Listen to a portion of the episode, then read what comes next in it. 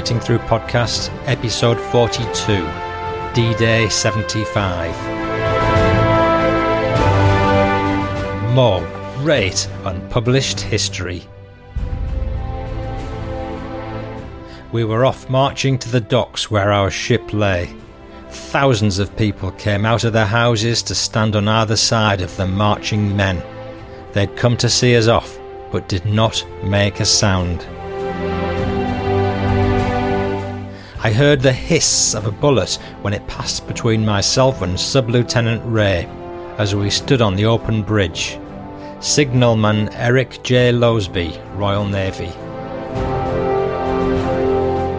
Our skipper decided to return our landing craft to England. We were close to our shores when we pancaked down so hard in the sea that we broke our craft's back. Eric Clark, leading wireman, Royal Navy D-Day. Middleton proceeded to machine gun the enemy infantry on the tank, although he was outnumbered by at least 30 to 1. B.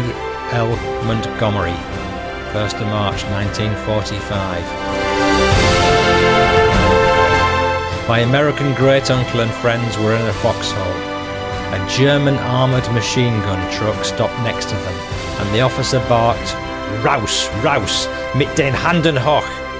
Out, out with your hands up. Hello again, and a very warm welcome.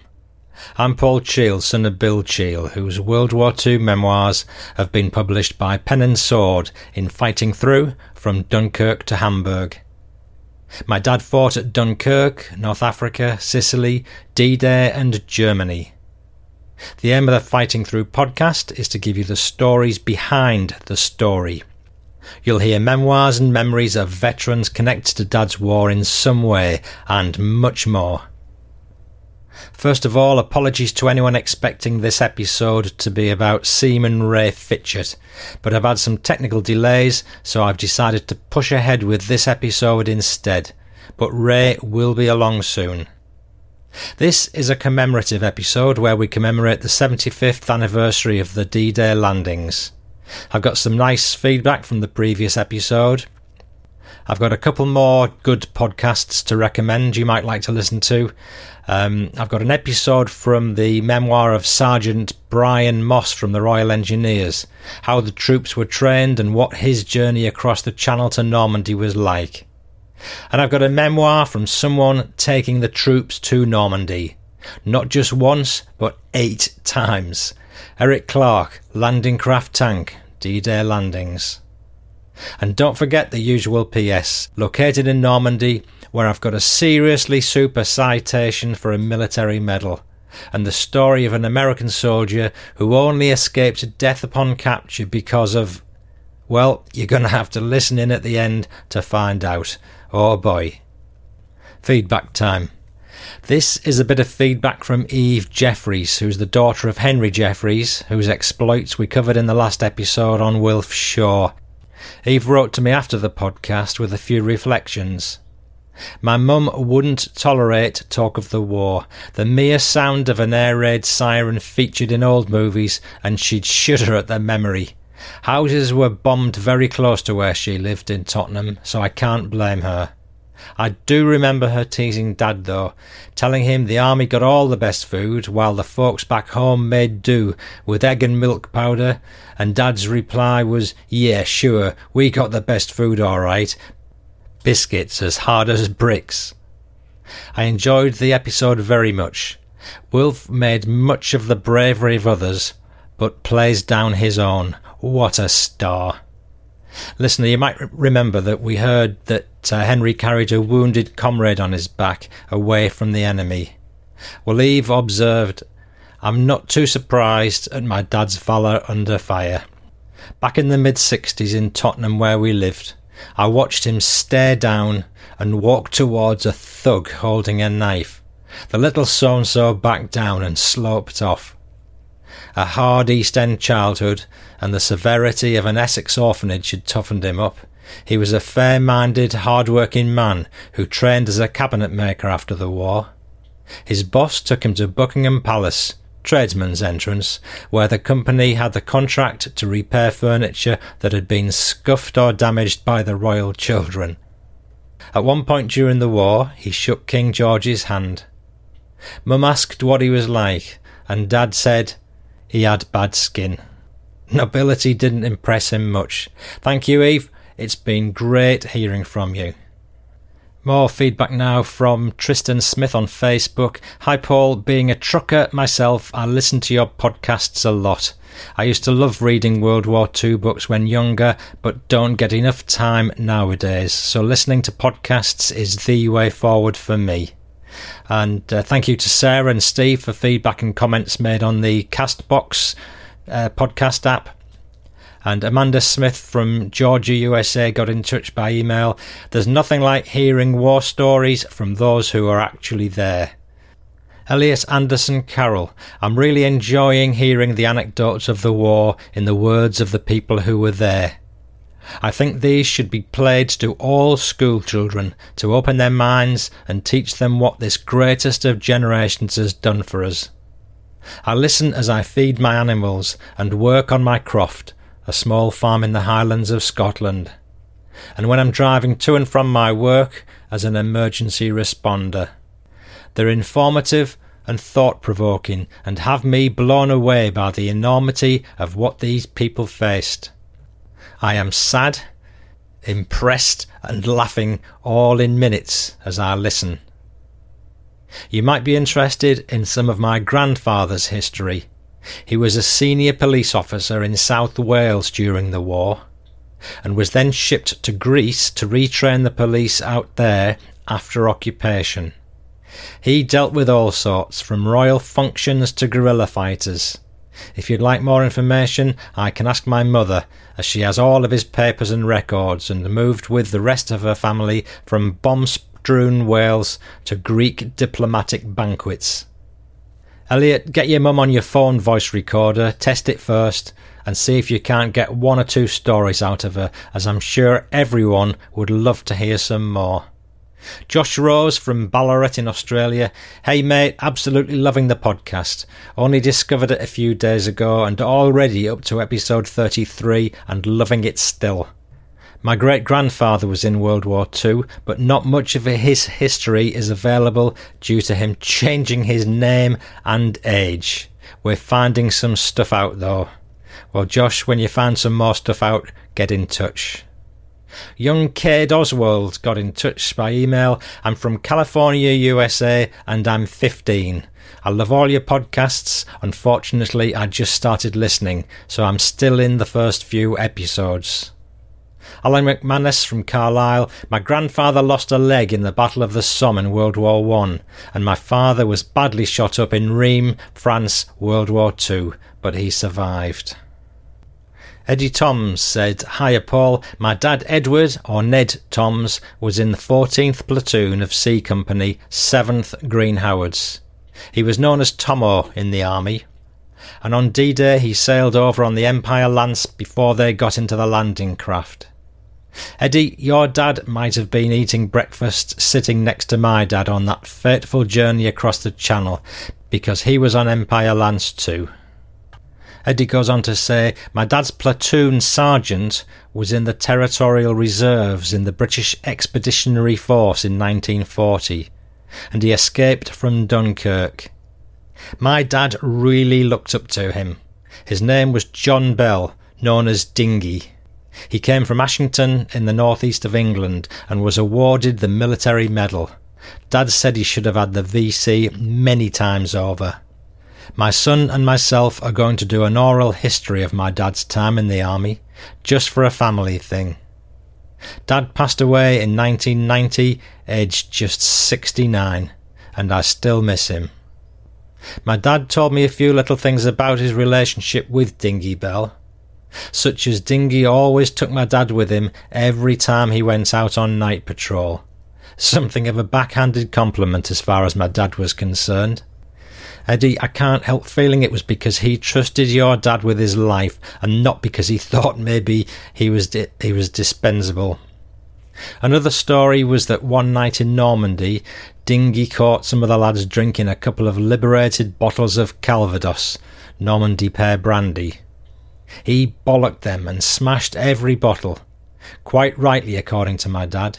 Drunken soldiers on the front line is not a good thing. Another time, Dingy went to the company commander reporting a newly arrived young lieutenant saying he was dangerous and that he was going to get his platoon killed. The lieutenant was duly removed. Eddie, if you think of any more, give us a shout, and if you fancy talking through any of your stories on the phone, it would be great. Will Leggett uh, wrote in by email I think it's crucial to hear the stories of men and women at their best when situations are at their worst, as it gives us all hope in what the human race can achieve. Will, I love that sentiment. Will went on to uh, let me know that uh, if we've come across a group on Facebook called War Gen, they're collecting interviews with veterans and it makes very good listening. So, uh, Will, no, I haven't, but I have now, and I took a look and it's great. There's a link in the show notes. So that's Wargen on Facebook. I've heard from uh, Rutan Herma Sherma and uh, a few remarks about episode 41 from Root. Wilf Shaw talked about his experiences with the Dutch and how it was to cross the Waal River at Nijmegen. Recently, I came across a book called 18 Platoon, which has been written by Sydney Jary. This man assumed command of Number 18 Platoon of the 4th Somerset Light Infantry, part of 43rd Wessex Division, shortly after they completed the Normandy campaign. It describes the war from the viewpoint of a 20 year old infantry lieutenant who won the hearts and respect of his veteran team of soldiers. It's excellent, and what struck me listening to episode 41 is that Wilf describes the Waal River almost literally as Sydney Jary did. And it was nice of you to ask Wilf what he thought of the Dutch. Again, his response almost exactly matches Sydney Jary's in that book. So, listener, that's 18 Platoon by Sydney Jary. I've put a link in the show notes. And a final point from Root. Uh, I have a question too. I'm looking for a picture of Tank Captain Roger Bell of the Westminster Dragoons, who took out a German pillbox on King Beach, La Riviere, with his flail tank. He moved his tank in front of the aperture with an 88mm gun sticking out and fired into it. He then tried to signal his kill using a green flare, which misfired inside his tank, so he got completely covered in green goo. He seems to have won a medal for this action, but there's hardly a trace on the web.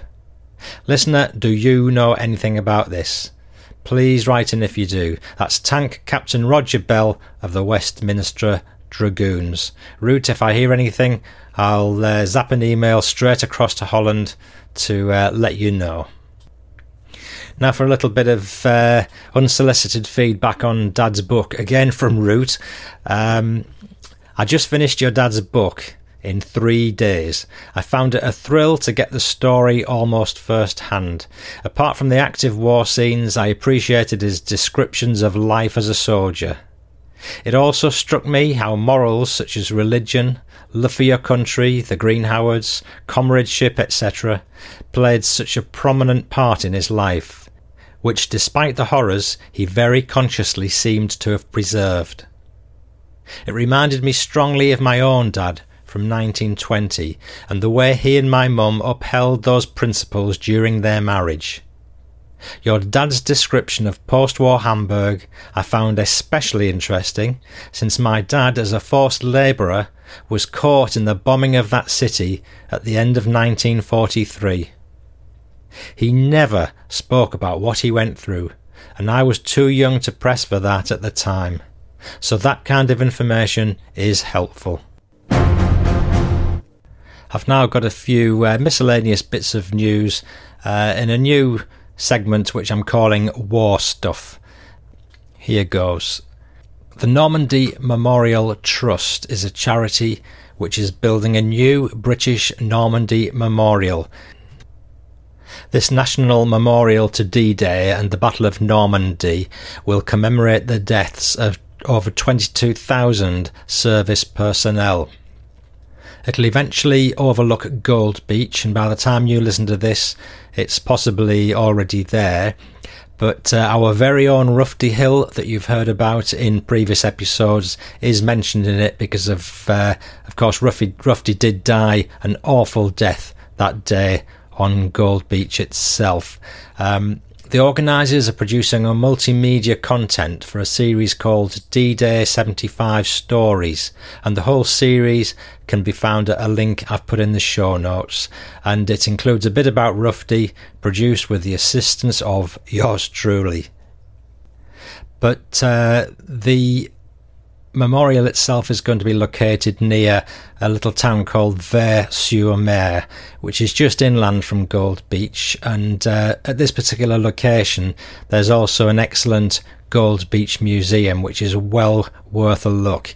Um, but I'll stress the memorial isn't just about Gold Beach, it's just a convenient location for the memorial itself. So uh, keep your eyes and ears peeled for more news of that. Now, for a few podcast recommendations from me. We have ways of making you talk. BBC historian James Holland and English comedian, actor, and writer Al Murray have created a new weekly podcast all about the Second World War.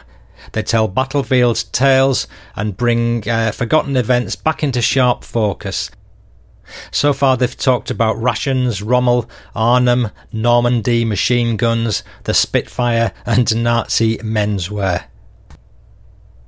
And it's funny, but the episode I've just listened to included some discussion on what a Bren gun was like. And uh, it was so poignant to hear this because in, his memoirs, Dad said he would have loved to have gone back in time and stripped and rebuilt a Bren gun, which he was once able to do blindfold.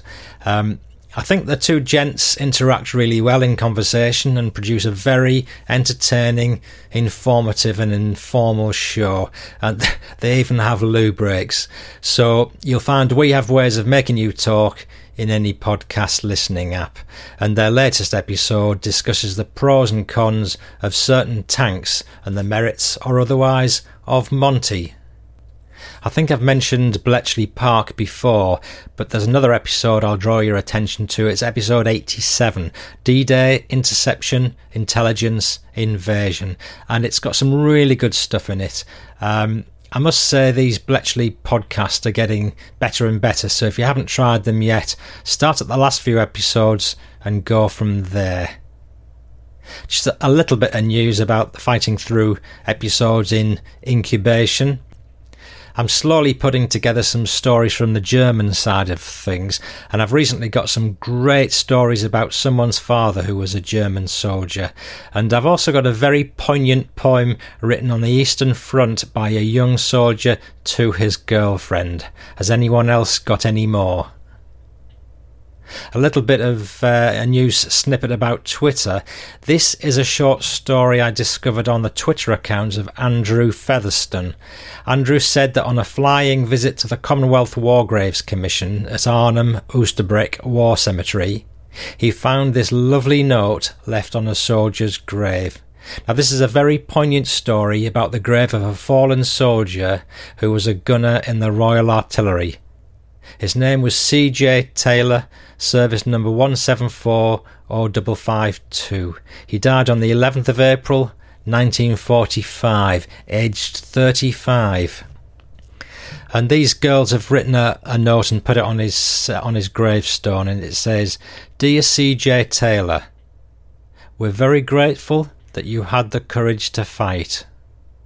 We appreciate your work, and we're very thankful Today is your 74th death day, and because of that, we think especially about you.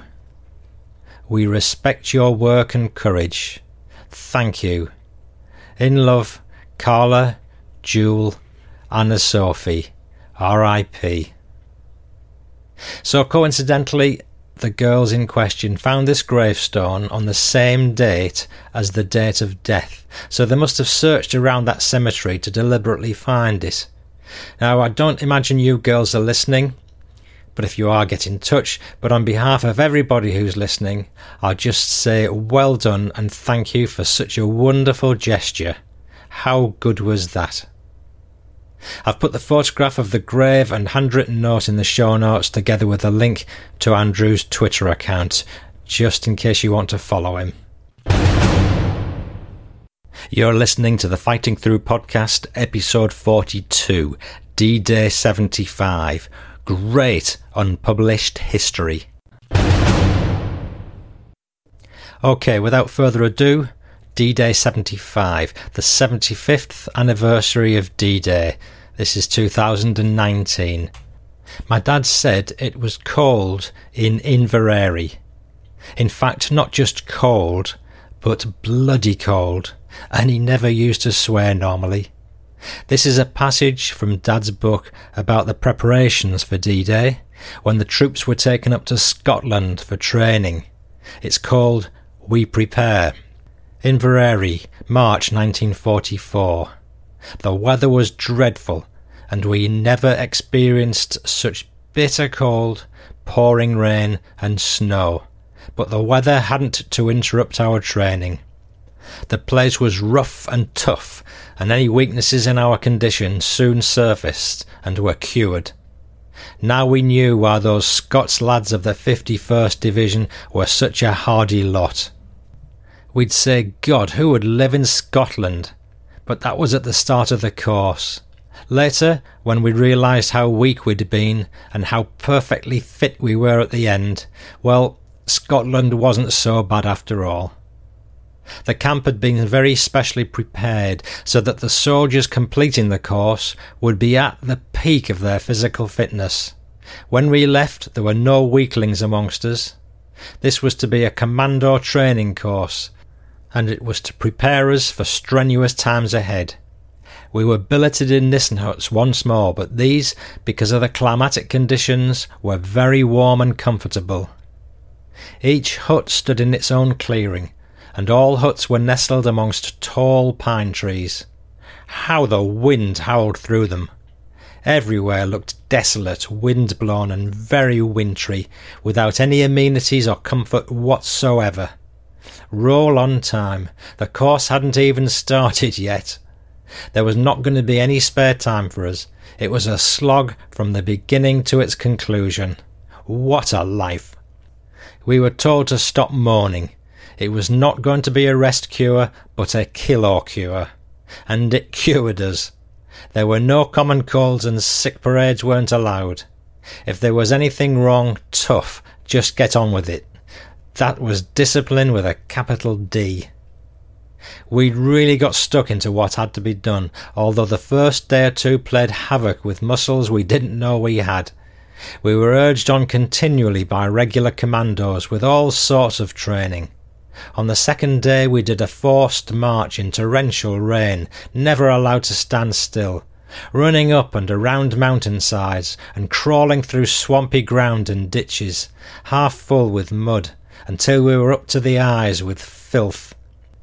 We went across ropes suspended over the river, which was fast flowing, though only three feet deep.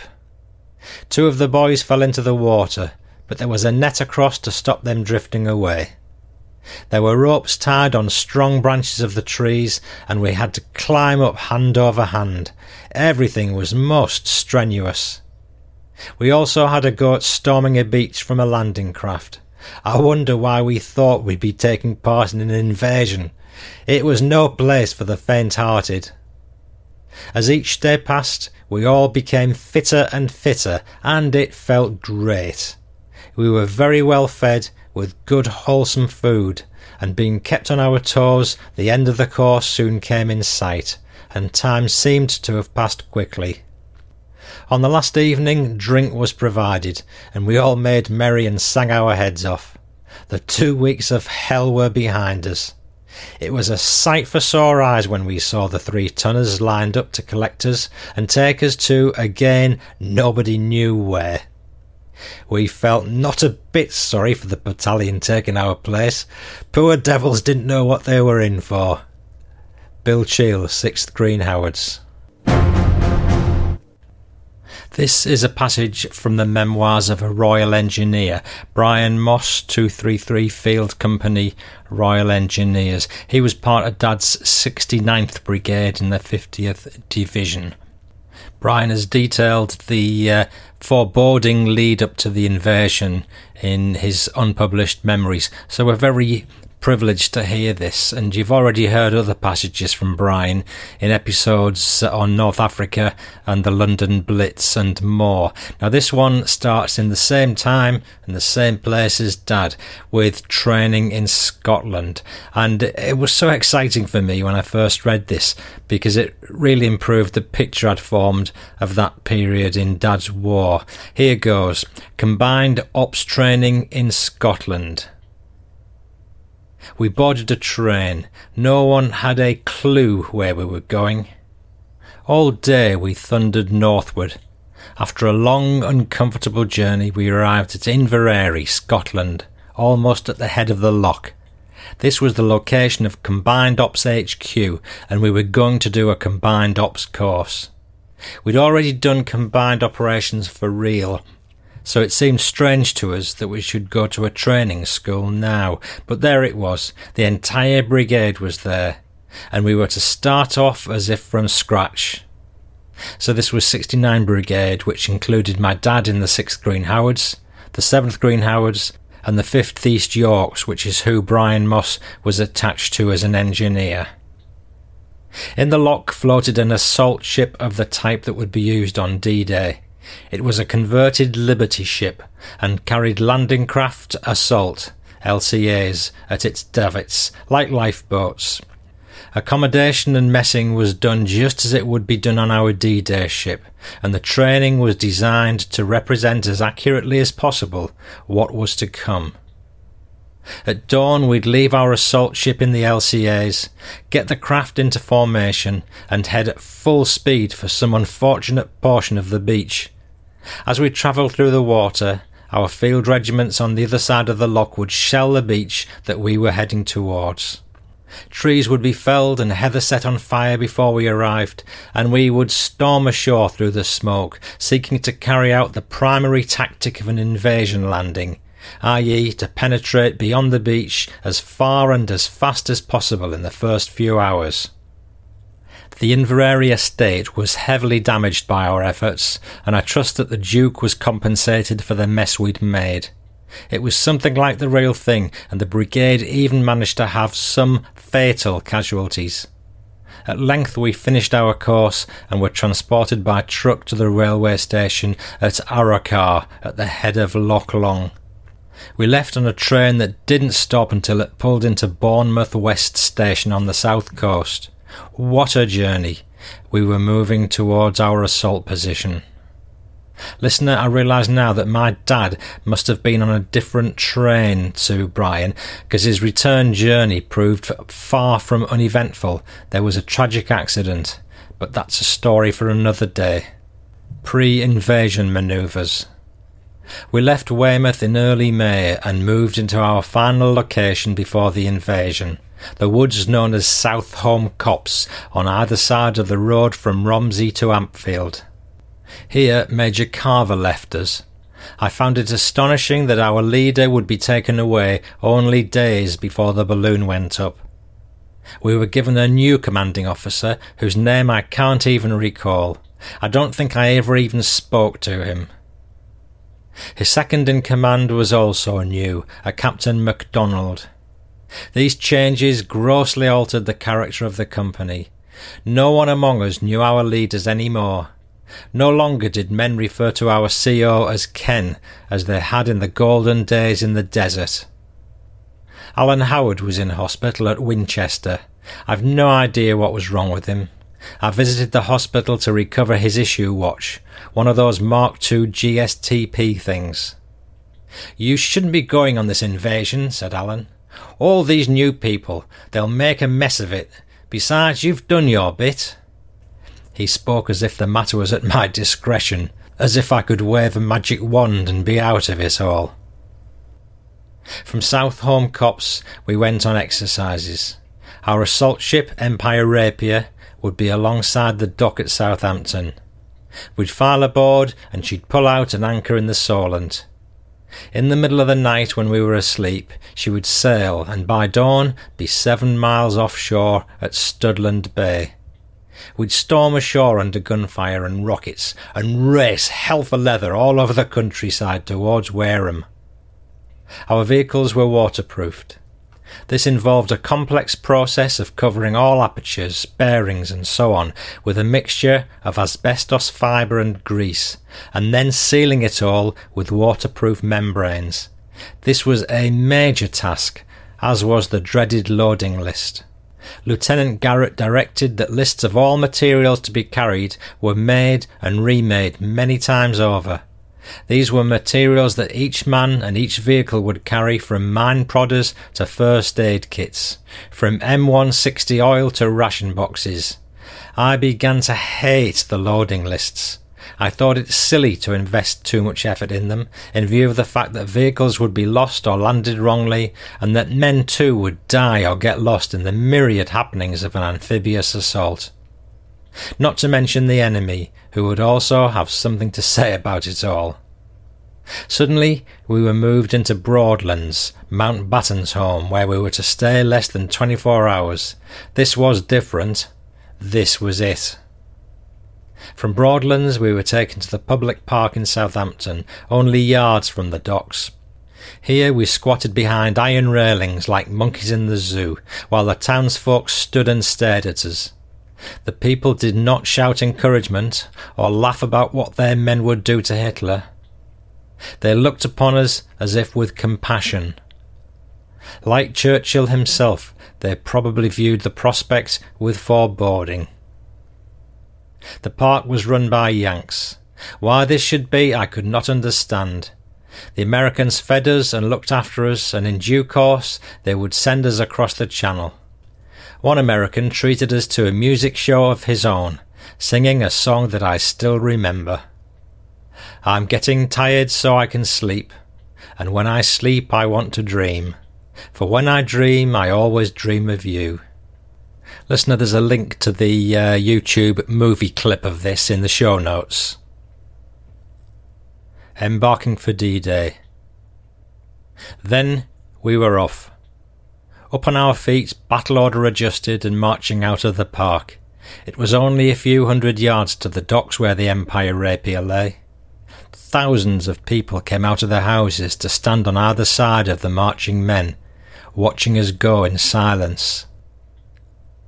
They came to see us off, but they did not make a sound. Our ship was loaded quickly. We'd done it so many times before. On the 4th of June, we pulled away from the quayside and headed off down the fairway, where we anchored in our appointed position amongst the mass of shipping. Empire Rapier was just one of a line of such which stretched up and down the fairway as far as the eye could see. All around us lay naval escorts and weird craft of every description, including something that looked like an enormous cotton bobbin floating in the water. And there were big block like things that appeared to be built of concrete. A rumour went around the fleet that everything had been postponed for 24 hours. Then we learned that this was true. D Day would be the 6th of June and not the 5th, as originally intended. The following day, the 5th, was spent quietly on board. I sat in the sun on the upper deck with Johnny Holiday, the leader of number 2 section of the platoon. We talked of the days after the war, although it was almost unbelievable that it would ever end. Privately, I could not see an end to it. There was always Russia. Our leaders had Russia in mind when designing the invasion. If we did not march into Europe now, then the Red Army would sometime appear on the Channel coast. Johnny told me of his girlfriend, Joan, whom he hoped to marry after it was all over.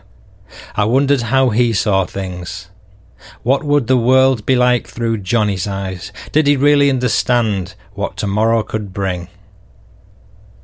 The way he chattered on one would think he hadn't a care in the world. That night below decks, the lighting was a dim, reddish glow to preserve our night vision. I must have slept soundly that night because I remember being awakened by the sounds of reveille over the tannoy system. The ship was moving fast and there was a heavy swell out there. In the canteen, breakfast was served on large trays of steel plate, pressed to form dishes and plates of different sizes, into which our food was greasily ladled. Having eaten and shaved, I took a quick look outside. It was still dark, but I could see long lines of ships in the gloom, closely stationed and driving on towards the enemy coast. I got the feeling that I must be part of the most enormous undertaking ever attempted. In our quarters, everyone was giving his equipment a last look over. Those damned lifebelts, what use would they be? I checked the magazines of my Sten.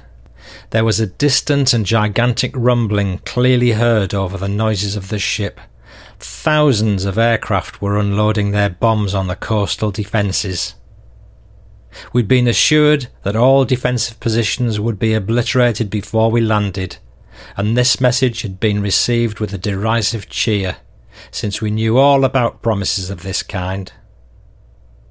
Salvos from the heavy guns of the Royal Navy had now joined in, and at least we knew these would be on target. Good old Navy, we said to each other. The Iron Voice ordered us to board our assault craft, and we went to take our places on those hard bench seats as we had done many times in practice. An LCA carried 35 men. Ours carried 33 infantrymen and two sappers. As I write this, it's now 50 years since D Day, and I'll recount the principal features. 50 Div had been brought home especially to take the centre stage of the proceedings, with two US divisions on our right and a Canadian and British division on our left. For the event, 50 Division comprised of four brigades, including the 69th. Taking into account additional troops under command, the entire division totaled 38,000 men, a very powerful force. 50 div were directed at Gold Beach, which ran from and included the little seaside village of La Riviere on its extreme left. 50 div's initial two brigades would each put in two battalions, making a total of four battalions in the early attack. The plan was that 5th East Yorks should capture La Riviere, then 7th Green Howards would arrive, pass through them, and capture Vers-sur-Mer, a mile and a half inland. If I recall correctly, an infantry battalion possessed no more than 500 riflemen all told. 2,000 riflemen would therefore be hitting the beach on that divisional front. These men arrived on the beach in two closely following waves. 1,000 men would arrive first, followed by a second wave of another 1,000 men. So, of the 38,000 men, only 1,000 would be in the first phase of impact. This clearly spells out who does the fighting in war the poor bloody infantry. Of course, there would be others with them, including a few sappers like me and the odd armoured vehicle but the burden of the day would be borne by those who were essential to war and who'd been decimated over the years through competition from the RAF and other services that also demanded men. Indeed, before the invasion, Monty had been warned that available infantry reinforcements would only last a few months, and that infantry divisions would then have to be cannibalized or broken up to provide reinforcements.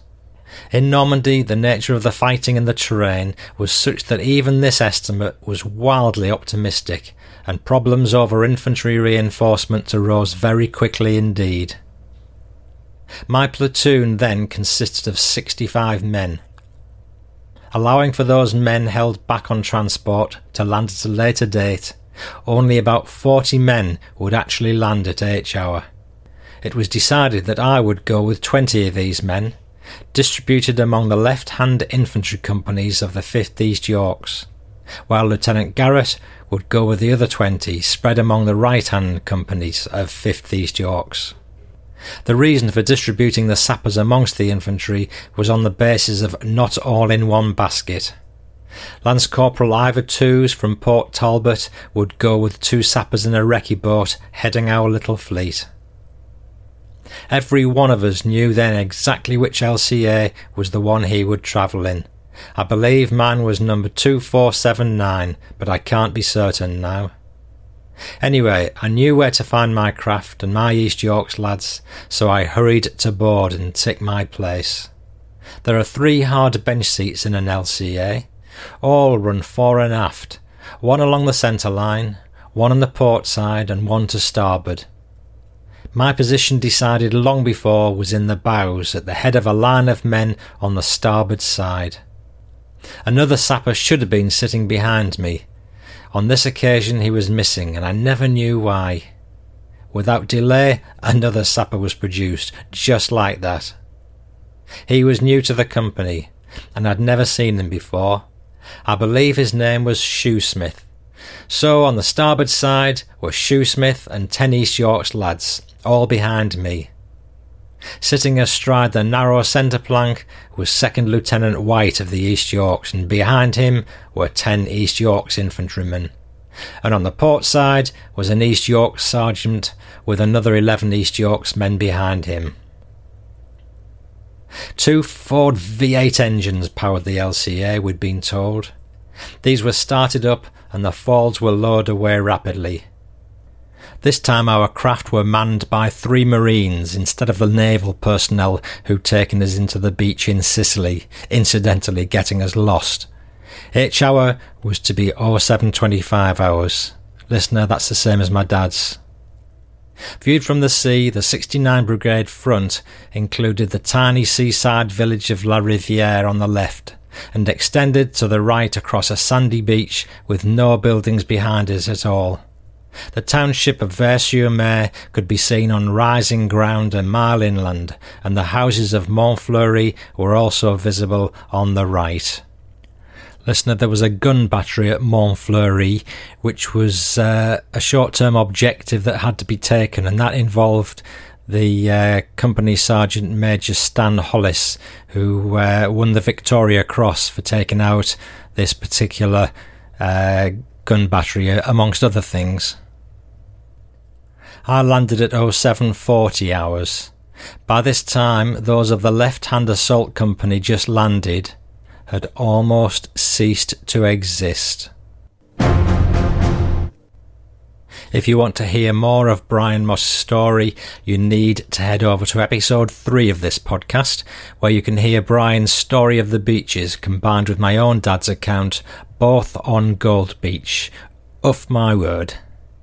If you ever visit Gold Beach, you should include Vers-sur-Mer in your itinerary. They have an excellent Gold Beach museum.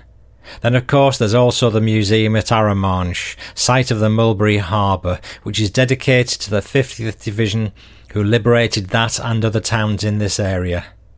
Arromanches is a must see in my view, but the bit of Gold Beach where Dad landed is just four miles further west up the coast. But right now, as an extra to this passage, I want to share with you a little bit of information I found recently at the excellent Green Howards Museum in Richmond, Yorkshire. They've just been refurbished, and as I walked in, the very first display at the entrance included a chart showing the order of battle on Gold Beach. In other words, the times and order of landing of the various battalions, landing craft, ships and armour, etc. Steve Erskine at the museum explained to me how this precious document had been found in a skip before it was rescued, thankfully in as pristine condition as the day it was drafted. I've put a copy in the show notes, and it shows the who, what, where, and when of the entire D Day landing on Gold, so what a treasure it is. And as a result, I reckon I can work out to within five landing craft which one Dad was in though sadly not the exact number. There's another diagram of the beach sectors for all of Gold, Juno, and Sword beaches. If you want to see them in the flesh, get yourself up to the Green Howard Museum in Richmond, Yorkshire. Now I'm going to share with you uh, some stories from uh, a crew aboard a landing craft tank, an LCT. Two crewmen aboard similar craft, but experiencing different adventures. Two memoirs of the same event, and here's the first. Vicky, uh, I think it's pronounced Zaruski. Vicky Zaruski Hewitt from Wisbech in Cambridgeshire, England, kindly sent me a story from her dad. He wrote the memoir based upon his experiences on board a landing craft transporting troops and tanks to the Normandy beaches. It is jaw dropping, and I feel so very proud that we've got it for the show. Here goes. Eric Ernest Clark, ex leading wireman, Royal Navy, Combined Operations, D stroke MX 542 393. To whom it may concern. I volunteered for the Royal Navy near my 18th birthday. I'd previously tried to get into the RAF since I was an air cadet and was fed up with working five and a half days every week and all day Sunday studying at the Northampton Polytechnic in London to obtain a national certificate in electrical engineering. However, the RAF found out I was underage and also that I was in a reserved occupation, so I was turned down. When my call up papers arrived from the Royal Navy, I waited until the very last day and approached my engineering manager, who gave me a good dressing down, but wished me luck and allowed me to go, provided I promised to return on demobilisation, which I did. I was met at Ipswich railway station, along with many more, and taken to an annex which was an extension to an ashore establishment known as HMS Ganges. For nearly two weeks, we all underwent medical and aptitude tests. Those of us who passed were kitted out and transferred to the main barracks. We were allocated a large hut known as Drake, where we spent six weeks learning to be sailors. We were drilled each day on a large parade square which had a quarter deck and a high mast which we climbed over most mornings and evenings. We had to negotiate an assault course built on the foreshore, and because there were insufficient rifles to go around, we carried lengths of steel barrel piping with a bayonet welded on the end. We attended special classes and learned various knots and splicing of ropes, signals, flags, boat crews, gunnery stations, etc. There was also lots of physical training, which came hard after all the inoculations. However, after six weeks, some of us went to a former Butlins holiday camp at Skegness, which had been taken over by the Royal Navy and known as HMS Royal Arthur. Listener, this uh, Butlins holiday camp, back in 1940, my dad was on guard duty there at Skegness. Small world, eh? Here we were segregated into various branches, and my depot was changed from Chatham to Devonport, and I was classed as a wireman for combined operations. And with several more, I was drafted to Hitchin Town, where we were lodged in civilian homes, and travelled back and forth each day to the Ascot factory in Letchworth to attend a special instructional eight weeks course which dealt with electrical wiring and equipment aboard a landing craft. On completion of the course, we were drafted to HMS Hopetown, which was a depot near Troon on the west coast of Scotland. I was assigned to the 42nd Flotilla of Landing Craft Tanks, LCTs. Since the craft were still being constructed, I attended more courses to learn the electrical circuitry of plant and equipment aboard LCTs. This information had to be confined to memory. Our landing craft tanks, Mark IVs, were being built at John Brown's dockyard on the River Clyde, and as each craft came off the stocks, we were allowed to join the crew and sail them down the Clyde and around to Troon Harbour. When twelve craft were docked, they were allocated numbers and formed into a flotilla. We needed three flotillas to make up a squadron, then for months we trained together around the coast of Scotland or in the Irish Sea on sea trials on such things as formation and beaching, etc. We made numerous practice beach landings, and in the main, with the 35th and 36th Divisions of the Royal Artillery. After many months of training, we sailed as a squadron around the north of Scotland and down south to Poole Harbour. We had a couple of problems en route. One was when we were compelled to anchor off the coast of Cromer because of thick fog. We stayed until it cleared, then orders came from ashore to be careful when weighing our anchors, because we were all on top of a minefield. We weighed anchors with much care, and all of us got away with no problems and again formed up, three flotillas in line abreast, and we hadn't gone far when we were attacked by two E-boats. This was my first action, and since I was a wireman, electrician, I had no particular action station job, and I just didn't know what to do or who to assist. However, the three flotillas separated, and each craft opened fire with their Oerlikon guns. One E-boat was hit and belched smoke, then both rapidly disappeared. We all formed up again and sailed on to Dockin or close to Poole Harbour. Within a short period, and after more training on the 4th of June, we all sailed to Newhaven, Sussex, where concrete ramps, hards, had been constructed leading down to the sea. Each of our flotilla loaded up in turn and took aboard tanks and Tommy trucks and met up again with the lads of the Royal Artillery, whom we'd spent many months training with up in Scotland. After loading, we formed up and joined the rest of the squadron, now to be known as part of S Force. This was a difficult task since the weather was bad and the sea was very rough.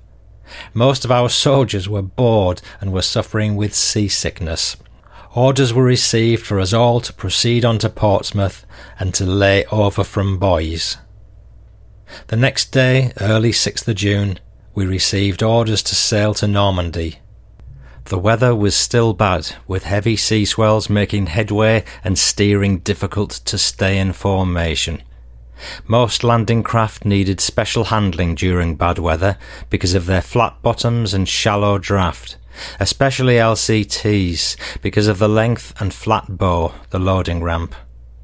They'd buck and judder with a screw action, and in certain sea swells would leave the sea and pancake down hard often with the stem in the air with the propellers exposed, causing the main engines to race away. By the time we neared the Normandy coast, most of our soldiers aboard were showing signs of fatigue due to lack of sleep and seasickness, but they put on a brave front. All around the sea was littered with ships of all sizes coming and going in all directions, Big warships were shelling over the coastline, smaller warships buzzing around them with loud hailers blasting away, and numerous assault craft everywhere. The noise from the big navy guns and machine guns, and the stench from smoke and cordite was overpowering. As we neared the beach, we had to break formation, and each craft was left to its own salvation. I believe we should have beached on Sword Beach, but because of obstructions on the shore, we actually beached on Juno near Courseulles. It was difficult getting in because we had to allow enough distance to drop our kedge anchor before beaching in order to pull ourselves off. And apart from the obstructions and damaged craft, there were also rows of constructed vehicles on the beach line, some of which exploded on impact. However, we managed to drop our seven ton loading ramp or door, and the soldiers started to disembark with their armour. The first Tommy truck sank up to its front axles in shingle and sand, because in the confusion they'd forgotten to lay out the rolls of wire mesh, so it was all hands to drag it back aboard.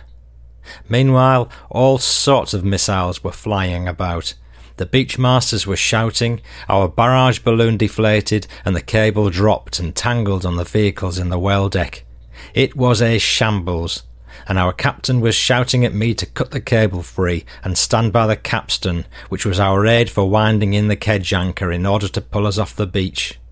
When the six tanks and Tommy trucks were finally unloaded, we waved our Royal Artillery soldiers and tank crews lots of good luck, then fortunately managed to pull our craft off the beach, Our kedge anchor had gripped well.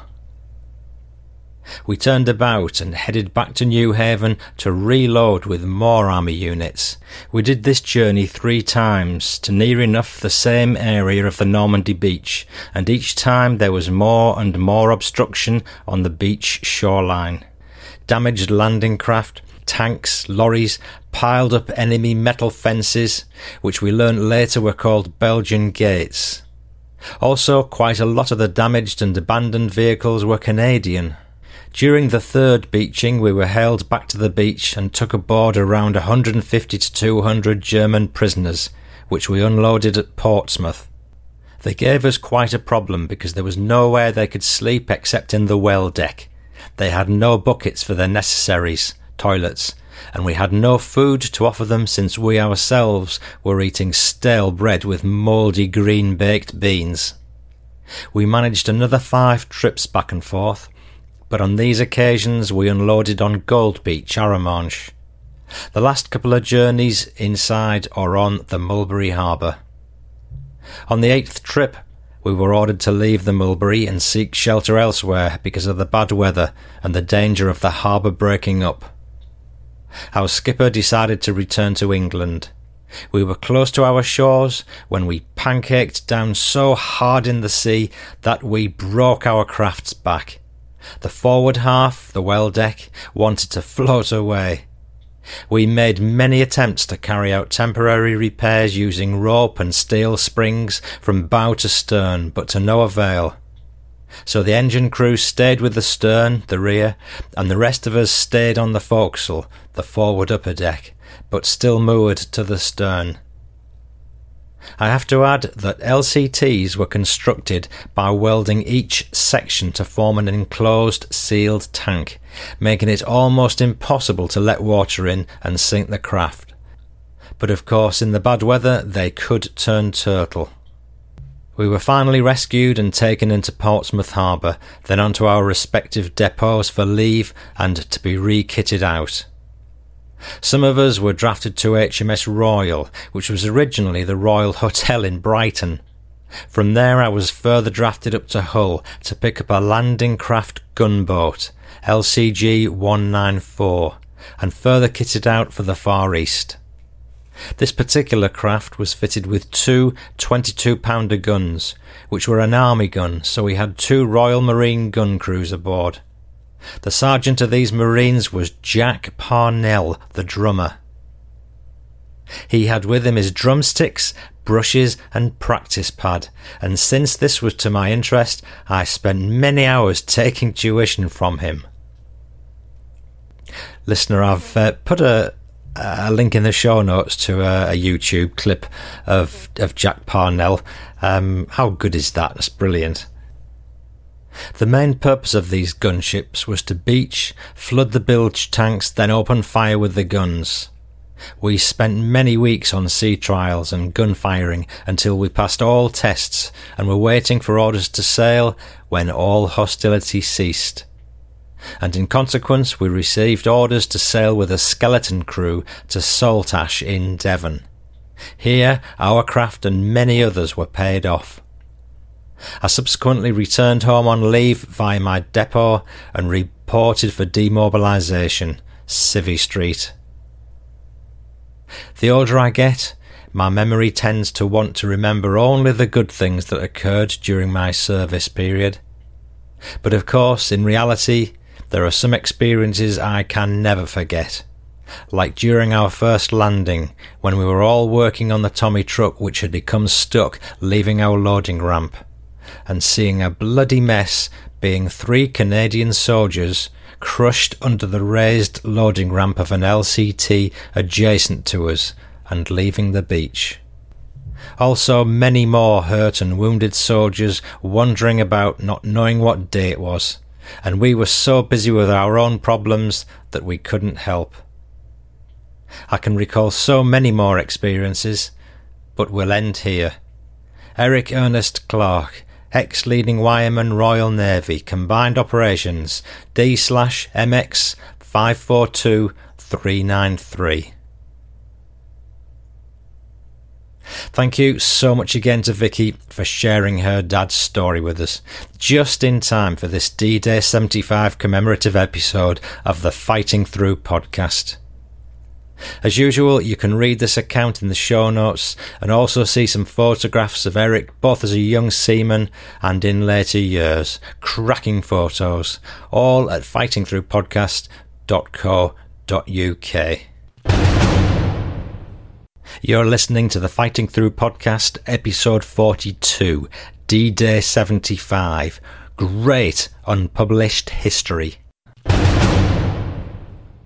I've now got another memoir for you, also about a landing craft tank.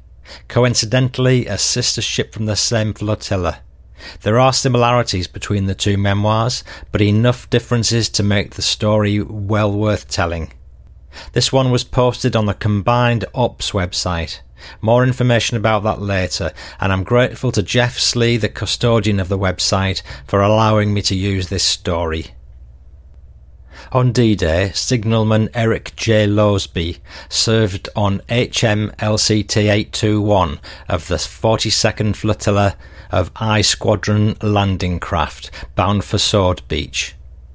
This is his story. My preparations for war began with 10 weeks of gunnery and seamanship training at HMS Ganges a naval shore base near Ipswich, England, followed by many months of combined operations exercises at HMS Dundonald in southwest Scotland. We trained in small arms weaponry and physical fitness through endless rounds of assault courses. At nearby Troon Harbour, we were introduced to landing craft, which later included day long trips to Brodick Bay on the Isle of Arran, where we learned the many skills required to operate a landing craft tank. The flat bottomed landing craft were designed to land directly onto unimproved beaches just ahead of high tide, speedily disembark their cargoes, and make their way back to England before the tide went out. If there was any delay, the landing craft would be beached high and dry for about 12 hours until the next tide. The quick turnaround was aided by partly lowering the ramp and with sufficient speed forcing the bows of the craft onto the beach to secure a good hold. On the approach, the heavy kedge anchor would be slipped from the bed on the stern of the craft and the cable freely paid out. On beaching, the slack on the kedge anchor would then be winched in, and with help from an occasional turn of the propellers, the craft would be held at right angles to the beach. Once in this position, the ramp would be fully lowered, giving added hold onto the beach. Unbeaching was achieved by winching in the kedge anchor after raising the ramp from the beach. LCT 821 was a drab battleship grey, but she soon acquired a refreshing coat of white paint with accompanying Mediterranean blue camouflage stripes. We then proceeded to Largs, where our Oerlikon guns were tested, and then to Troon to take our place amongst our sister craft of the 42nd LCT Flotilla. As the early summer of 1944 approached, the 42nd Flotilla proceeded to the south coast of England. We passed through the Dover Straits under cover of darkness to arrive at Portslade. The contrast between the weather on the south coast of England in summer and that of north of Scotland in winter was truly amazing. With most of our training completed, we spent a good deal of our time in harbour with shore leave in Brighton and Hove. One of our crew, known affectionately as Jock from Scotland, arrived back on board after shore leave carrying a large wicker chair, not unlike those typically seen on the verandas of plush hotels along the Brighton seafront. He'd acquired a lift from a motorcyclist, and we were left to imagine the sight of Jock and his wicker chair on the pillion seat of a motorcycle. The chair found a good home, on the quarter deck of LCT 821. Briefing sessions were held when we learned our destination. The day arrived when there was unusual activity in the harbour. It was clear that the time had come to put the many months of training to the test. Late in the evening, puffs of smoke issued from funnels as main engines were fired up. One by one, the vessels in our flotilla slipped their moorings and proceeded out of the harbour to an assembly area off Newhaven, where we dropped anchor. The change in the atmosphere amongst our crew and our army passengers was palpable as animated conversation gave way to our own private thoughts about what lay ahead. During the day of June the 5th, 1944, the military personnel were ferried ashore to Newhaven and exercised around the docks area, while we rowed at anchor from the stern capstan. This offered little comfort in all but a calm sea, as the flat stern of the craft reacted to each wave with a shudder throughout the length and breadth of the craft, and always present was the seemingly incurable ingress of water through the propeller shaft glands. This was made worse by exposure to an oncoming sea, and after a while, about a foot of bilge water would be swilling around the mess deck directly above. D Day. With improving weather conditions on the evening of June the 5th, the vast assembly of craft and ships began to move, setting course to the south under heavy and darkening skies. We all received a copy of the now familiar message of good luck from General Eisenhower. Our passengers were a mixture of Royal Marines, infantry, and members of an RAF signal corps. Many suffered gravely from seasickness. The luckier ones were offered our hammocks, since none of our crew would find time to sleep that night. For the greater part, the outward journey was monotonous. There was little room and nothing to see other than the dim blue stern light of the craft ahead. The tedium was broken only by the occasional increase or decrease in engine revs to maintain a safe distance. By the first light of dawn on the morning of D Day, we arrived at the lowering position some few miles short of the Normandy beaches, the French coast being just discernible on the horizon. At this point, various groups of vessels began to break away to their assigned sectors, giving us a feeling of isolation and exposure. Before LCT 821 began her advance, Sub Lieutenant Ray produced an enormous white battle ensign to replace the usual one that flew from our mast. During our dash for the beach, I tried to ignore a couple of water spouts on our port side. Obviously intended for us, they were the first visible sign that the natives were not at all friendly. The heavily laden and exceptionally low cloud absorbed the orange glow from the fires caused by Allied shells and rockets, which were fired in advance of the initial assault troops landing. As we drew closer to the beach, we saw a typical seaside residential area with a promenade and a roadway at the top. The houses were closely grouped on the far side, most of which were burning freely, while others were already just smouldering ruins. By the time we reached the shoreline, the beach was cluttered with stranded vehicles, tanks, and landing craft, not to mention the enemy's beach obstacles. Despite the difficulties, we successfully beached, and our ramp was eventually lowered and unloading commenced. We soon attracted the attention of snipers installed in the upper windows of one of the few houses left standing. I heard the hiss of a bullet when it passed between myself and Sub Lieutenant Ray as we stood on the open bridge. After that, we kept our heads down, despite wanting to monitor mortar bombs landing further along the beach, which had been fired from gardens at the rear of the burning houses. We saw many gruesome sights around us, including a number of tin and enamel tea mugs floating a few yards from the water's edge along the shoreline. When the tide went out, we could see they were attached to the knapsacks of earlier casualties floating face down in the water, and now being deposited on the sand. It usually took 20 minutes to unload our cargo, but we hoped to break all records as the Germans were expected to disrupt the landings with their heavy artillery. However, fate conspired to detain us when we discovered that our kedge anchor cable had parted, having fouled one of the beach obstructions. It was this anchor cable that would normally winch the craft off the beach. LCT 821 settled on the bottom as the water receded.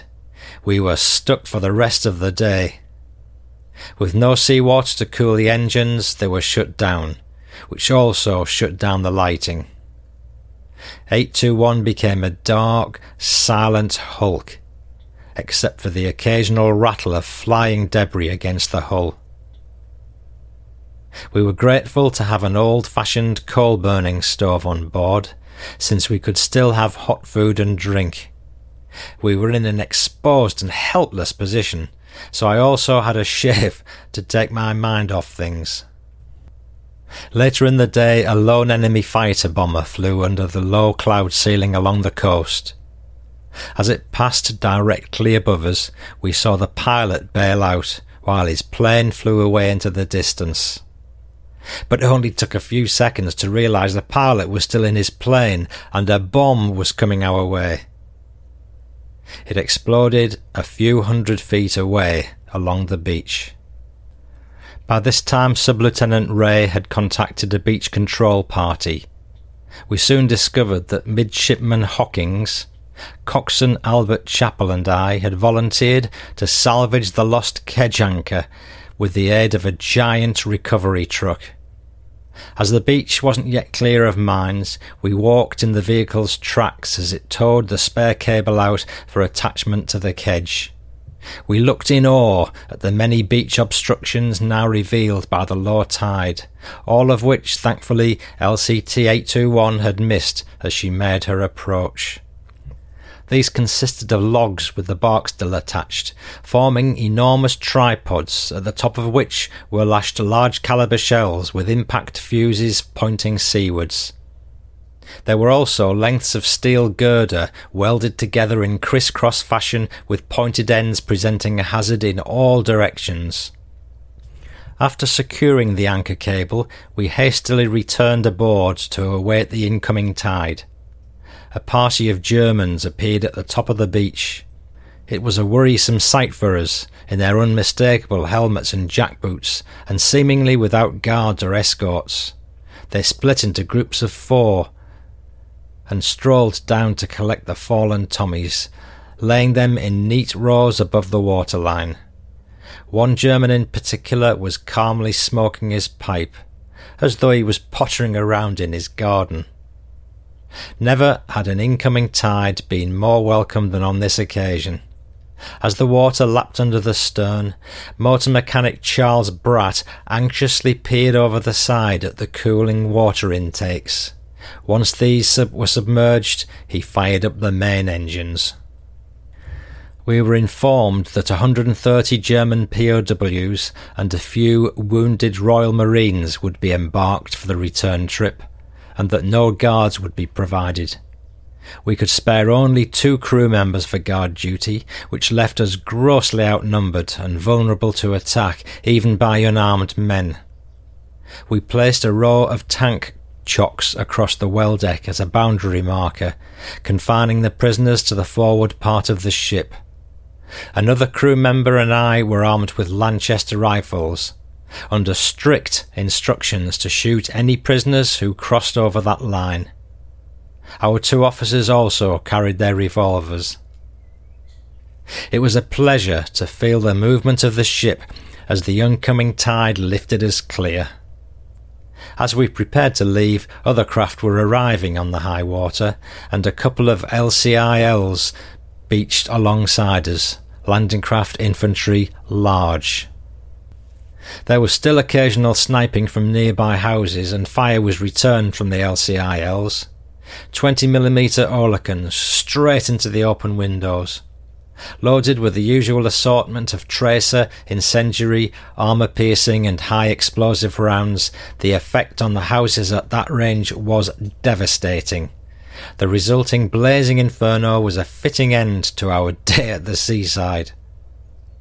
We cleared the beach area without further ado, but upon gaining open water, it became clear that LCT 821 had broken her back on the uneven and churned up beach. However, since LCTs for the most part are constructed of separate watertight ballast tanks, there wasn't much to concern us. just so long as the plates held the two halves together.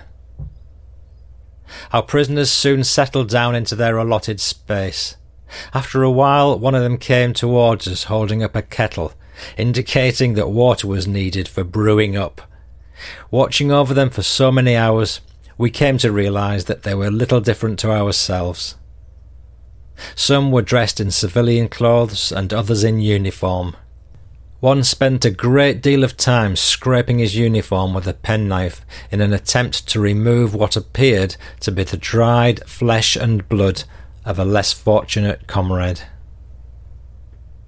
After steaming for a few hours, darkness fell, making it difficult to see what the prisoners were doing.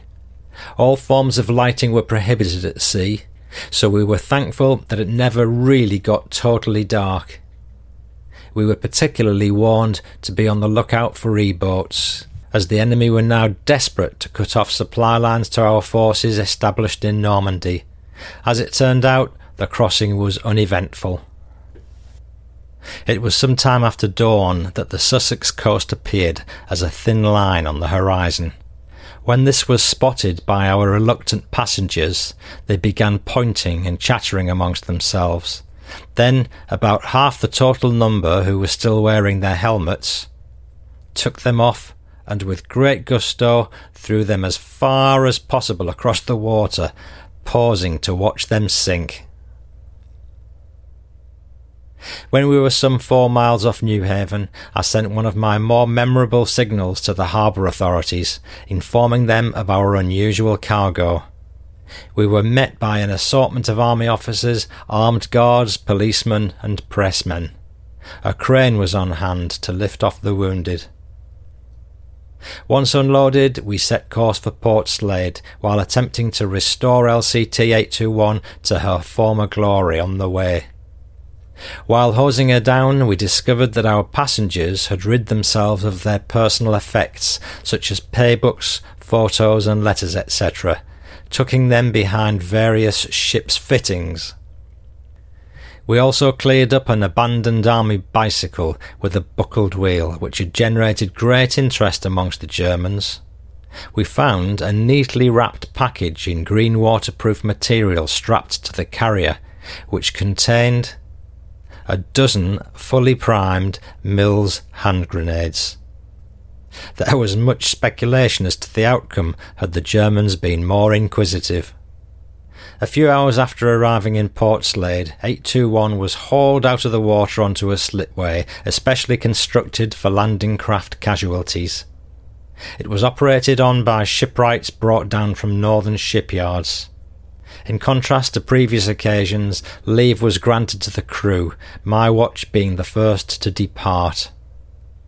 By a strange twist of fate, the following evening I was sitting in the cinema of my hometown watching the D-Day landings on newsreel, thinking that I was the only one watching who'd been in the thick of it.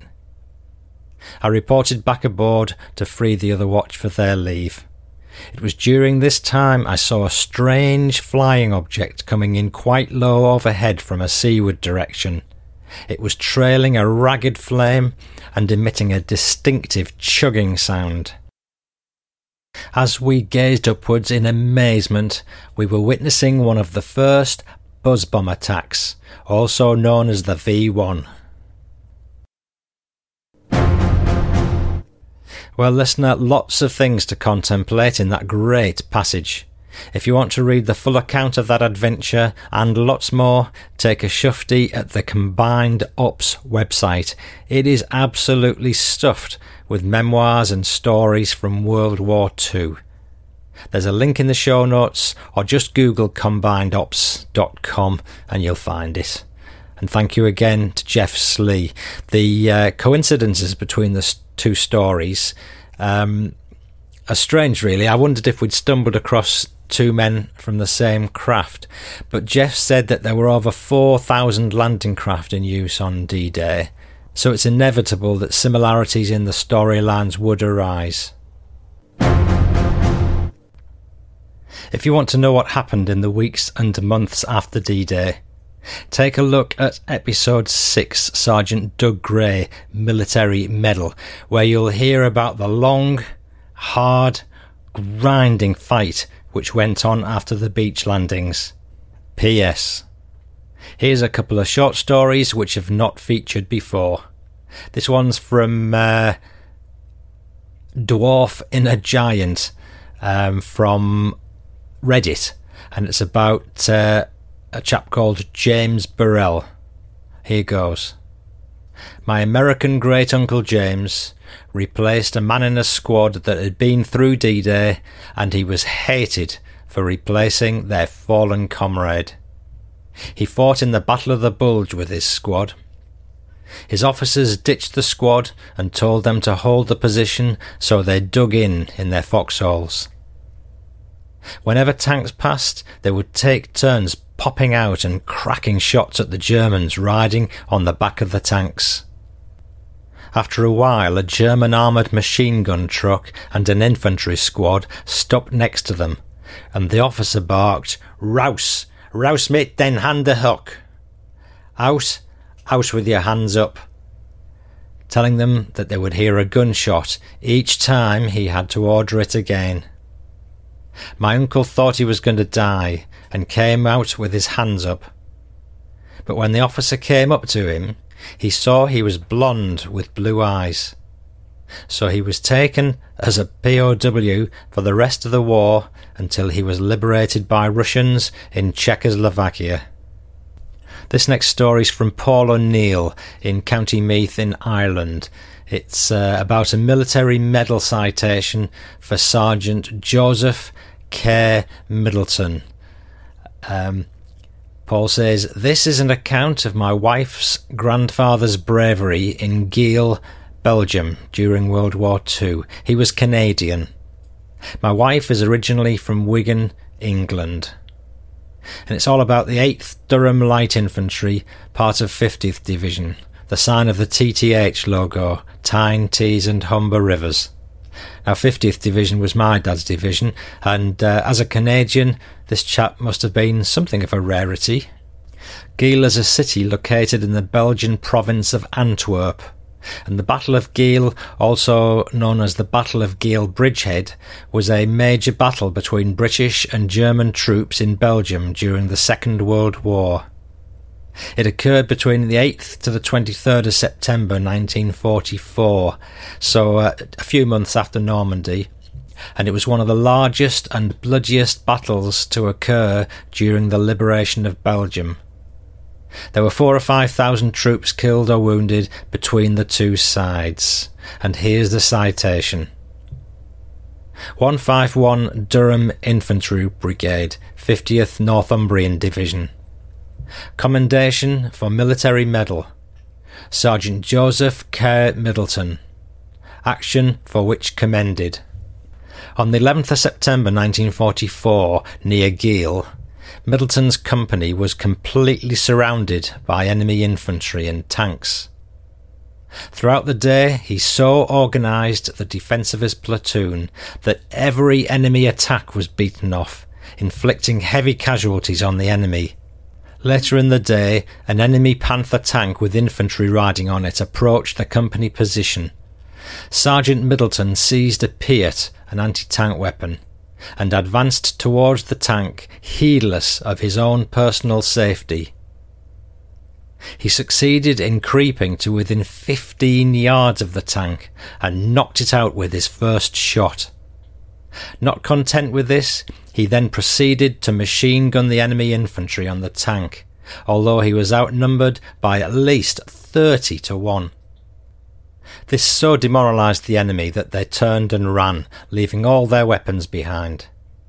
Throughout the whole operation, Sergeant Middleton showed that he was a born leader of men his cheerfulness under difficult conditions were a splendid example to all, and his complete disregard for his own personal safety gave great encouragement to all, and played a very big part in helping the company to repel all enemy attacks.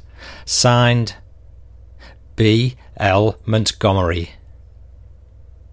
Awarded Military Medal, 1st March 1945.